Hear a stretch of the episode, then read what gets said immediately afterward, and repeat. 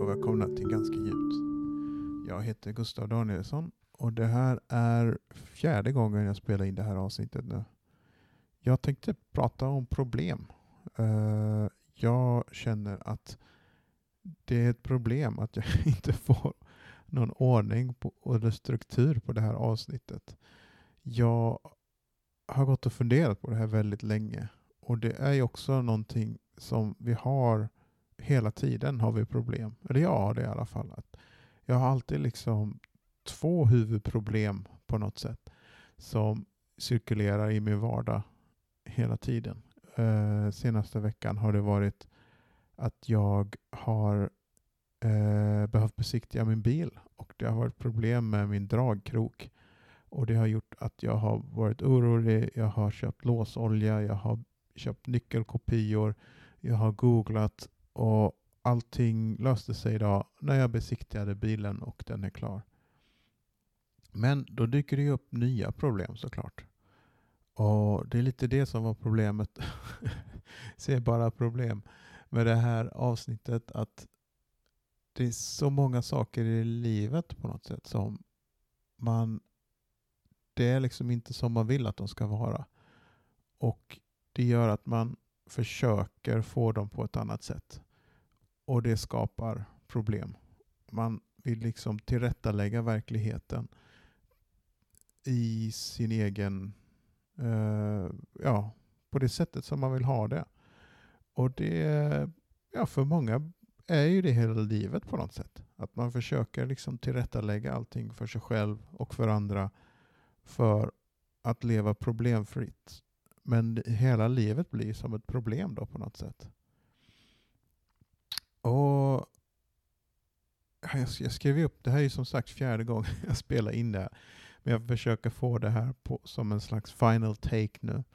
Och de tankarna jag hade skrivit upp det här om lite olika problem och att de flesta av våra problem är ju väldigt triviala. Som att besiktiga bilen eller jag är orolig för resedokument och Det är egentligen saker som bara är bekvämligheter på något sätt. Att det är ingen självklarhet att jag ska ut och resa. Det är ingen självklarhet att jag ska ha en bil. Men det är liksom det som tar upp min vardag på något sätt. Och hade jag haft mer tryckande problem, kanske hälsoproblem eller mer ekonomiska problem, då hade det kanske tagit upp min vardag. Eller så hade jag bara accepterat att det är så. Och Det är väl det man kan göra med problem. Antingen acceptera det eller försöka lösa det. Och, eller så försöker man lösa det, inser att det inte går och så får man acceptera och leva som det är med det problemet. Och några andra tankar jag skrev upp här om det här att man löser inte problem på det här sättet men man kan få perspektiv. Och det ett sätt är ju att dricka alkohol. Att man känner man dricker lite och så känner man att ah, det gör ingenting. Det, är ju, det här problemet är ju hanterbart. Eller det spelar ingen roll om jag låter det vara. Det är ju som sagt det är ingen lösning. Eh, och det är ingen bra grej att börja dricka varje dag för att man inte orkar lösa sina problem.